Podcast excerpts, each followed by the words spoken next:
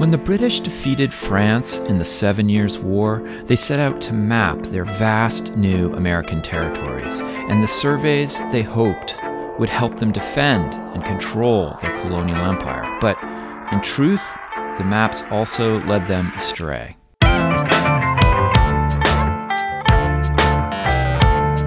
It's time to eat the dogs. I'm Michael Robinson. Today, Max Edelson talks about the British Board of Trade's massively ambitious project to survey British North America from the St. Lawrence River to the islands of the Caribbean. Edelson is an associate professor of history at the University of Virginia. He is the author of The New Map of Empire How Britain Imagined America Before Independence. Max Edelson, thanks so much for talking with me. My pleasure. In the 1750s, uh, pretty much all of the European powers got involved in a global conflict known as the Seven Years' War. I know in North America, it plays out mostly between the British and the French and is uh, called here the French and Indian War. I was wondering if you could just talk a little about that war and, and how it ends. Right. So the Seven Years' War is really a global conflict that pits the major European powers involved in American empire against one another. It truly uh, begins as a war for North American territory. So, this is a war whose flashpoint is in the backwoods of Pennsylvania. Mm-hmm. Um, and this in, encroaching conflict between the British and the French, who both have claims on the Ohio River Valley, is the spark that sets it off. And then it spreads to many places elsewhere in the world. The Spanish are drawn in on the French side, um, largely because Britain is posing such a formidable challenge to these empires with its great naval and mercantile reach. Um, but uh, over the course of this war, uh, which begins in North America, um, and is really fought over who's going to control North America. There are uh, battles in West Africa and India. Britain invades the Philippines. So it really becomes a global conflict over empire. The consequences of this conflict are very dramatic for uh, early American history. The whole uh, history before the Seven Years' War was uh, uh, really a, a, story of how Britain, France, and Spain were carving out their separate imperial spaces on the continent uh, and in the islands of the Caribbean. Uh, after the Seven Years' War, Britain has a commanding position in Eastern North America and the Caribbean and is really poised to be the dominant power in the hemisphere. And this conflict, where Britain seems so dominant and so hegemonic over these other imperial powers, uh, has the ironic conclusion of the American Revolution that yeah. breaks apart the very empire that Britain won. So it's an incredibly tumultuous time. And for historians like me who are interested in uh, map making and geography, it's a really interesting uh, conflict to try to understand some of these borderland regions uh, that were the settings of these conflicts. Yeah, when I um, teach the American Survey, I um, I sometimes talk to my students about that. Like, you know, how is it that the British really kick butt over this uh, amazing territory in the 1760s, and then by 1776 it seems to all fall apart. And in fact, you you kind of uh, I mean the the Board of Trade. The, the British Board of Trade is is a kind of central protagonist in your story, and you you say that um, after the war, it, it provided a golden opportunity to impose order on a disordered colonial world. And I was wondering what the Board of Trade found so disorderly about this massive territory that they just won. Yeah, so the Board of Trade is really uh, Britain's agency for the colonies it's the it's the group of uh, aristocrats who have an office in Whitehall. They correspond with the governors. They uh, write reports on what's going on in the colonies, how to develop them, and they also field lots and lots of complaints about all the corruption and problems with the American empire. So they're formed in 1696, and right from the beginning, they develop a culture that's very critical of American colonists. They hmm. think these colonists are too independent. They don't like the proprietary colonies that aren't as responsive to royal control. They look at these uh, bloody Indian frontiers and look at how uh, British traders are defrauding Indians and provoking conflicts. They are a little concerned about the rise of African slavery not really on humanitarian grounds, but largely Mhm. on strategic grounds. And what they would like to do from very on early on in the 18th century is just impose some rational policies to bring order to this disordered place. And because there's so many other interests that have a stake in how things are done in America, they don't usually get the opportunity to do that much uh, uh, reform of the kind they would like to do. But after the Seven Years' War, when Britain has spent so much money and lavished so much blood and treasure on this empire to defend it from the French and the Spanish, they think they suddenly do have a platform uh, from which they can say, now is the time to reform America. Let's get all these colonies on the same footing and let's develop new colonies to a higher standard so they'll be more productive, more defensible. Um, so they really are a group of visionaries who are inspired by uh, the great writers of the Scottish Enlightenment who are writing all these new tracks on, on political economy. People like Adam Smith and his ilk are talking about how to structure these societies so that everyone prospers. They think that their policies at the end of the Seven Years' War to develop America are going to make everything great. And it provokes the crisis that leads to the American Revolution. So what was kind of what kind of blew me away about this Board of Trade project was you have this group of people whose power kind of waxes and wanes over the centuries, and then you have this massive war, and they're given this project to um, to map British North America. But British North America is just huge. I mean, it goes from like the St. Lawrence down to the Caribbean. How did they do this? How did they go about trying to actually uh, survey these massive tracts of land? Yeah, so this is really the great uh, story of the book, I think. So they know they want to control all the new territories this, that Britain has won at the end of the Seven Years' War. They want to develop them as colonies. They want to set aside a huge part of North America as a place of Indian autonomy. And to do so, they have to know what these places are. And so the map making side of this is really a grand vision of creating a vast imperial archive of geographic information, mostly maps and charts, but also reports on the uh, ecology of these places, assessments of what crops will go there, mm-hmm. schemes of development. And I think you're right. I mean, the vastness of North America is something that, if you're looking at a map of North America, uh, especially if you're doing so maybe from uh, Whitehall across a mahogany table where the Board of Trade meets uh, and holds its meetings, you can kind of feel a sense, maybe an undeserved sense, uh, that you see the whole picture, especially if the map uh, is done to a high degree of precision. It looks authoritative. So, uh, one of the I guess we could think of it as a tragedy of the Board of Trade is they have this this great vision for empire, but they really underestimate the scale of the space that they're dealing with and how long it will take to survey this space and deliver this kind of um, high resolution geographic information of the kind that will let them direct how settlement is going to occur in places like the coast of Nova Scotia and East Florida. One of the um, things that I found kind of interesting, I knew James Cook, the you know great mm-hmm. explorer who got his start in, with the British Navy, that he had been critical in the uh, in the Seven Years' War, especially in the battle for Quebec. And I and I also knew that he did uh, some surveying, uh, some extensive surveying of the St. Lawrence and Newfoundland. Um, but I didn't realize, uh, and before I read your book, that this was really being done for the Board of Trade. How how did that work? I mean, were they so powerful they could employ the British Navy to do their work for them? Yeah, the irony is the Board of Trade largely historians don't consider it to be worth that much at all, not being very influential at all.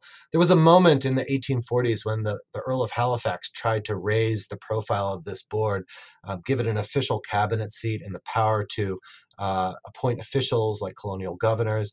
And most historians have written them off as a group of aristocrats who wrote a lot of reports but didn't do much actual uh, stuff that had influence in the empire. My view is a little different. I, I think we know the power of information, and these were the these are the guys who controlled all the information coming in about the empire. And after the Seven Years' War, British officials, the king, the Privy Council, they didn't really have a clear conception of what to do with all these territories during the peace. So hmm. board, the Board of Trade kind of got a blank slate to say, okay, how, how should we structure this empire? And its blueprint uh, really had a lot of influence. And so they didn't have any authoritative power over the Admiralty or the uh, superintendents for Indian affairs or the Army or uh, any of these other agencies that provided uh, documents, but they were kind of the maestros behind the scenes organizing this multi agency effort to map new territories in America. And they were responsible really for coordinating it. So um, even though the Board of Trade had its own survey, it was called the General Survey of North America, and it focused largely on the Gulf of St. Lawrence area and uh, the Florida uh, colonies. But the Admiralty did the Gulf Coast uh, in the Gulf of Mexico. Uh, James Cook worked for the uh, Admiralty and did uh, Newfoundland chiefly. And there was another group that worked for the Treasury that surveyed all the new Caribbean islands, the ceded islands that were added to the empire. But it was pretty clear that copies of all of the maps that you produced had to go back to the Board of Trade's office and they were really uh, considered the nexus for all this information. Uh, the vision was, I think, that this would be the epicenter for this great kind of body of information that would be a resource for imperial planners in general.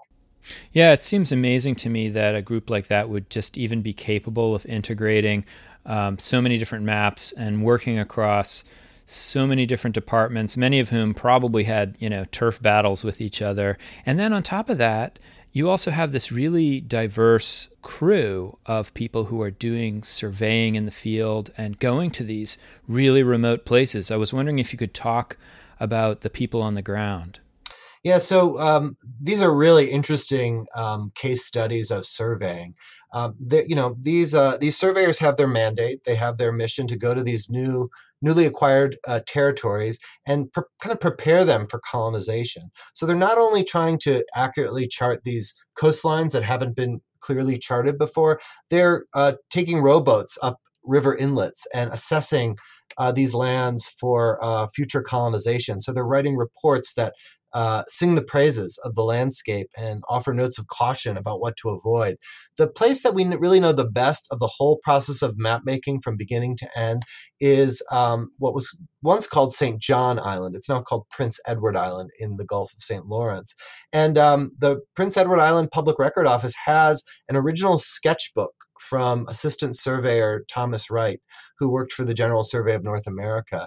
And so you can actually see and reconstruct the process of surveying. And so I went, I used this book not only to um, to kind of show the sketches of the landscape that these surveyors made, but to also kind of chart the pace of how they did the survey. And I could cal- calculate from this book that they did about seven miles of coastline per day, which is not that much. So mm-hmm. these surveyors were living off the land um, in places like the Gulf of St. Lawrence especially in the winter, that could be quite dangerous. One surveyor uh, who was uh, charting uh, the coastline of Cape Breton Island in the Gulf actually fell through the ice and died. So there were mm-hmm. there was a real privation uh, in this quest. The other thing that I think is interesting about this is they used a method of surveying called plane table surveying. So plane table surveying uh, really involves walking across the landscape with your plane table and using triangulation to get an accurate sense of the proportion of a coastline. So the, the experience that these surveyors had was very intimate. They really uh, walked along the edges of this landscape as they wow. represented it. And then they thought of themselves really almost as ideal colonists who should maybe be given big land grants themselves because they had this experience with the land. And in fact, a group of surveyors petitioned for land grants in Maine after surveying a portion of that later in the 1760s. Wow. You know, um, at one point you say that the Board of Trade created maps for the purpose of occupying and developing and defending the colonies. Uh, and you actually state it quite uh, succinctly. You say the space could be revealed and thereby administered by mapping it. I was wondering, uh, this might sound like a kind of, I guess, simplistic question, but why do you need a map in order to occupy and defend a colony? Well, you definitely need a map if uh, your colony is focused on on settlers acquiring property and developing it, which is really the story of British North America. But it's a different kind of map than the ones I study largely what you need is a land system that involves surveyors going out and parceling out territory so it can be given as grants to the settlers. Huh. Um, and there were general maps of these colonies that the Board of Trade asked for and that colonial surveyors produced. But it wasn't until after 1763 that the British government became really systematic about wanting to do new surveys to exacting standards so they could see the land. And in fact, the, the, the reality is before 1763, they didn't really need these maps because they basically delegated the tasks of colonization to individual colonial governments and to individual colonists. And it was huh. really, I mean, this is where the power politics and the link to the American Revolution comes in. Because what they're doing when they're creating these original maps of these new territories is they're cutting out the colonial middleman. They don't want to have to delegate this authority, yeah. they don't want to have to rely on these subordinates and they don't have to put up with the bad choices that they think these people make on these new frontiers. They want direct control, and so they need to see these lands for themselves and make decisions about who gets those lands without having to consult with someone on the ground. And so I think what my ultimate conclusions about why this mattered for early American history is that early Americans were very aware of what they were doing and they were pretty offended by it. And when I say early Americans, I'm talking about white colonists who believed they had participated in the Seven Years' War in order to open up these new territories for their own colonial ambitions. Yeah. And they were very reluctant to give those up they also saw themselves, they saw their greatest accomplishment as uh, subduing a wilderness and making it into a productive and civil space. And so they really did react negatively to the critical evaluation that people on the Board of Trade and in Great Britain had of, of how, how they thought they had botched the job and created such a mess. And so I think part of the Revolutionary War story that my book helps to tell that really hasn't been told before is how they were really aware of the, all these initiatives. They were kind of mortally offended by the criticism that they implied, and they were bracing themselves for new systems of control that would be placed closer to home in their own more settled territories, places like Georgia, South Carolina, Pennsylvania. And in fact, by uh, right on the eve of the American Revolutionary War, there was an attempt to really wrest control of the land system away from colonial governments and put it in the hands of London officials. And yeah. uh, that's a really uh, understudied reason for what what pe- what mobilized people to join the cause. Yeah, reading your book makes me think that I've been um, teaching the American Survey wrong because uh, I uh, I follow this. That. You can put it on the syllabus. Yeah. yeah, I, I, was thinking that um, I probably follow along with many people in talking about the uh, American Revolution as something that focuses on taxes, mm-hmm. and then of course those Enlightenment ideas behind the issue of taxes. Who's who's uh, you know the the king is determining these taxes without uh, asking for representation by the colonists. And, you know, one of the things, as I said, that was really surprising and interesting to me is that you say, you know, actually, this is really about land. It's about who has the uh, power to control the land and to survey the land. I was wondering if you could explain why that's such an important feature for uh, sure. uh, the colonists. I mean, and I wouldn't want to discount the importance of political ideas and taxation policy and the emerging idea of what rights colonists have or should have within this empire. Those are all really important um, and indispensable um, themes of why we got the American Revolution. And to be honest, there wasn't really a constitutional or legal argument that the, that colonists were making when they objected to these uh, grand plans of, of surveying and development. You know, mm-hmm. as, as one uh, of my writers uh, wrote, you know, they're the king's lands and, and he can dispense of them how he wishes. But it did rub them the wrong way the ideas that were behind this grand initiative that somehow they had made a mess of colonization and people in london who had uh, the best maps were the most uh, qualified uh, people to do it. So I think when we look at an event like the American Revolution, um, obviously we want to take very seriously the explicit ideas that people are actually writing about, uh, ideas about liberty and rights. But I think we know, uh, in practical terms, you don't mobilize people to throw off their king, engage in an act of rebellion, and sacrifice everything just on the basis of ideas, no matter how powerful those yeah. ideas are it has to embrace people's a sense of their own identity. And I think these mm-hmm. issues of, of what it means to be a colonist, um, what it means to have control over land, what it means to be part of societies that are growing and expanding, and how that supplies colonial people with their identities. To have those things challenged struck really at the core of who these people thought they were. And in some sense, I think they were fighting for that those identities as much as they were fighting for uh, the right of representation. You know, one thing I really like a lot about your book is that I, I, think when I was in graduate school and there was a lot of new work on uh, history of, of cartography, maybe very influenced by some of the the social changes in the university in the 1960s and 1970s, the power of maps seemed to be very, very strong. I mean, almost kind of overdetermined, as if like by creating a map, uh, you somehow gain power over the people in the place in that area. But what I liked so much about your book is that you show how, well, yeah, but the map is also capable of profoundly being misunderstood. Uh, you have this great quote. It says, like Narcissus, the British state beheld the geographic names it produced and was beguiled by them. I was wondering if you could talk about some of the problems of this mapping project. Yeah, so I think um, you know one of the things that dooms this effort is the fact that the British government really bit off more than it could chew with this project. They only had a dozen years to generate these maps, and then everything was disrupted by the American Revolution. And even when they did produce really perfect, beautiful, accurate maps of, of these places, they didn't really have the capacity to store them, disseminate them. Often these maps ended up in private hands and never made it to the Board of Trade's archive and library. Um, so this was a, an initiative that was kind of prescient. I mean, if we look forward to the 19th century and, and even our own time, this is one of the main tasks of a modern government, as people like James C. Scott have written about, of dealing with all this information and giving it to the people who need it so they can affect policy.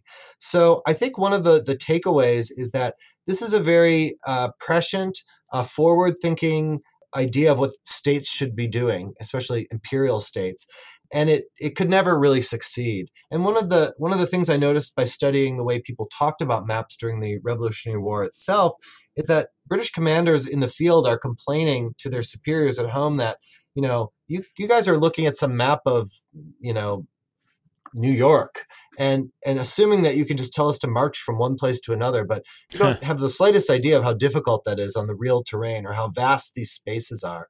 So uh, the British gained a false sense of confidence because of the beauty and the precision of the maps that these surveyors made, it gave them a sense that they really were in command of these distant territories when in fact they weren't. So I think that's in some ways the ultimate conclusion is that it was an empire that was overreaching in a particular way, uh, who thought it could dispense with the need for these. Um, uh, colonial subordinates who were who were busy doing the work of empire, when in fact that was um, that was a little premature on their part. So that uh, problem that you just described, that of um, people looking at a map and saying, if you just march from point A to point B, you'll be able to accomplish this.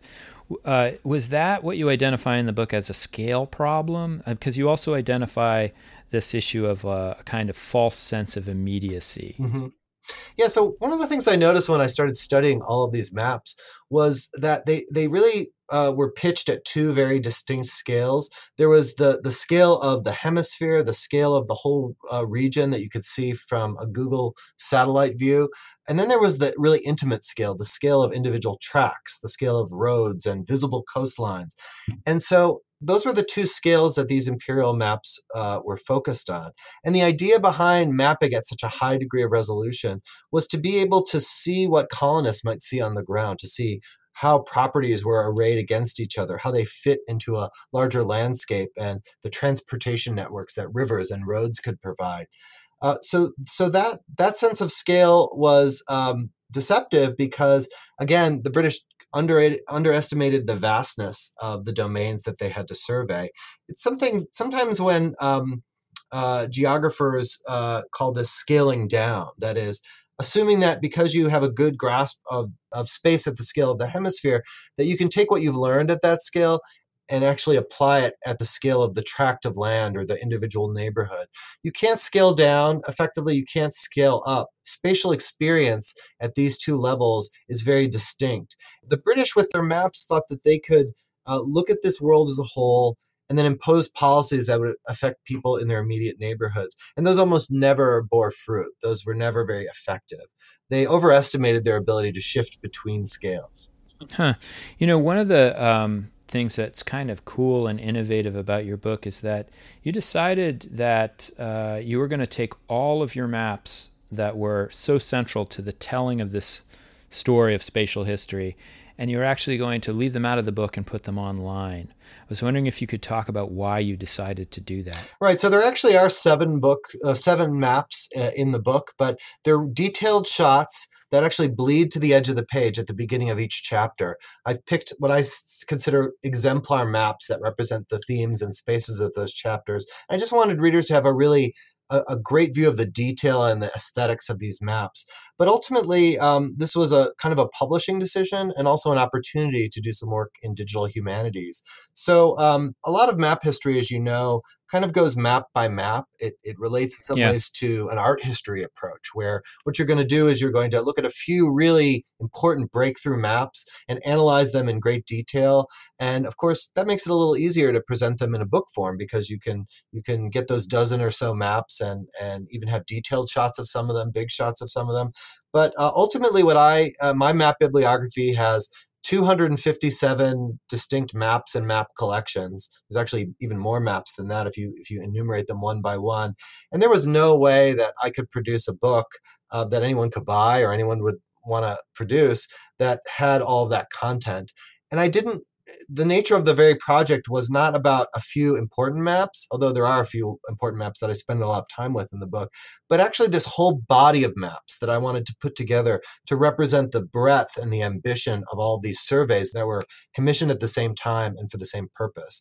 So I started experimenting with digital humanities. Uh, I got some funding from the National Endowment for the Humanities and from the uh, American Council of Learned Societies. And with my partners here at the University of Virginia, especially uh, research professor Bill Ferster, um, we built what's called Map Scholar. Uh, Map Scholar is a, a digital platform that allows me to put these maps online in a really dynamic way. So if you go to mapscholar.org slash empire, all the maps for this project are just available free to anyone.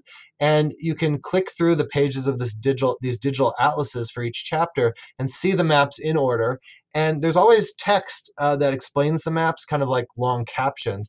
And a lot of that text is hyperlinks. And when you click on one of the hyperlinks, it zooms into a particular detail yeah. or it introduces other resources or an overlay because I really want my readers to to be able to see what I saw when I was researching and looking at these maps. And so um, ultimately, what I ended up doing is producing a textbook, although it is available as an ebook, and a digital archive. So that people who read this book can see all the maps in color the way I see them, and they don't have to squint and try to find the details I'm referencing in the text. One of the things that I found uh, really kind of cool about your map scholar page for these maps is that you in, in addition to let's say scalable you can zoom in on a map uh, zoom out is that you also have them mapped onto what looks to be like a google earth map uh, and and that you can change the vil- visibility of let's say the satellite map relative to the historical map. So you can kind of toggle in and out of let's say geographic space as it's seen now relative to the map itself. It's just a very cool way of looking at the map. And i was wondering it made me think about i guess your process as a scholar uh, because you are working intimately with text documents but also these visual documents do you feel that there's uh, i guess i guess the question is like where do you think your eureka moments are? Are they primarily in the text or is it these new ways of seeing maps that uh, i don't know that you find new things from? Yeah I, I really feel like this whole book was just driven by the maps. So i started this project at the library of congress where i had a fellowship. And um, you know i didn't i didn't have any formal training in map history. So i just you know i knew a few maps i wanted to start with and I kept asking the map librarians to bring me ones that were related to it. And I just started developing a, a sort of uh, a visual sense of these different maps. And the whole book was really driven by uh, the need to explain well why so many maps of Nova Scotia why so many maps of the ceded these ceded islands that I had never heard about of the coasts of Florida so um, I really began by working with the maps but uh, because I'd never done this work before one of the things I discovered was that I didn't really know how to take notes uh, when I was studying maps. Yeah. I mean, once you've seen 12 maps of North America from the 18th century in the same day, it's hard to keep them distinct in your mind. So I started yeah. taking pictures of them. I started developing a database so I could kind of keep track of them. And then I realized what I really needed was some way to actually organize them visually so I could work with them in a way that was not just digging through you know files on my on my hard drive and trying to remember where the maps were. So my real eureka moment was about uh, as we were developing Map Scholar. As I was I was working with these maps, trying to write a portion of this book, I actually found it more useful to work with them on Map Scholar um, which was still under development than I than in the old fashioned way of just pulling up files on my hard drive. Because what Map Scholar allowed me to do was to georeference the maps, and as I did so, yeah. I was looking at them really closely. And then I was putting them in a sequence or an order, or looking at all the maps by a particular cartographer and, and kind of piecing them together on the base map. And those those experiences of working with these digital objects actually helped me look at them and analyze them and study them. So we view, you know, things like Map Scholar, obviously they're hopefully effective tools to show a reader the maps we're talking about. But I found it was a really good research process to to, to get intimately involved with these maps, to zoom in on those little details uh, as I was managing them for this digital system. So um, the work I do now is very focused on digital humanities, really as a, a research tool, um, with the hope that it will also allow me to, to share this stuff with a big audience. You uh, shared with me before the interview that you're hoping to take indigenous maps and find ways of integrating them also into the Map Scholar software. I was wondering if you could give us an example of what you'd like to do. So, uh, there's one native map that uh, features in the book uh, already, and there's a whole chapter in, in this book on the surveying of the North American Indian boundary line. This was the, the boundary line that was supposed to keep greedy settlers and uh, native peoples kind of at a distance from one another so there could be some kind of peace on the Indian frontier. So one of the maps I thought was really interesting, and I spent a lot of time with in the book, is called the Catawba Deerskin Map. Um, it was a, a, map of the Catawba people in uh, the upcountry districts of, of South Carolina that was presented to the governor of South Carolina in the 1720s. And it's very different from a European style map because it's very abstract. All of the individual uh, native villages and towns are represented as circles, and those mm-hmm. circles mm-hmm. are connected by lines together and then to a path that leads to this maze like image that stands for Charleston, South Carolina. And I was so taken by this map, it, it really rewarded close study um, that I thought a new research project looking at how Indigenous people map their worlds and the, the languages and grammars of that mapping, how it differs from Western cartography, how it interacts with Western map making, that that would be an interesting point of study. So that's something I've, I've uh, started doing here at the University of Virginia. I'm developing digital coursework where students are going to help me create a big atlas of indigenous maps from all over the world so we can compare those images and those experiences and see how outside of the Western cartographic tradition, other peoples have uh, understood space and represented it. That's so interesting, Max Edelson. Thank you so much for talking with me. Thanks a lot, Michael. Um, it's been it's been a pleasure, and um, I'm glad to be included on the podcast, which I think is a really great uh, contribution. That's it for today. The music was composed by Zabrat Make sure you check out the Time to Eat the Dog's website for podcast links and other exploration related stuff. And if you get the chance, please take a minute to rate and review the show wherever you get your podcasts. It really helps make the show visible to new listeners. And if you want to recommend a guest or make a comment, feel free to contact me at time to eat the dogs, that's one word, lowercase, at gmail.com. See you next week.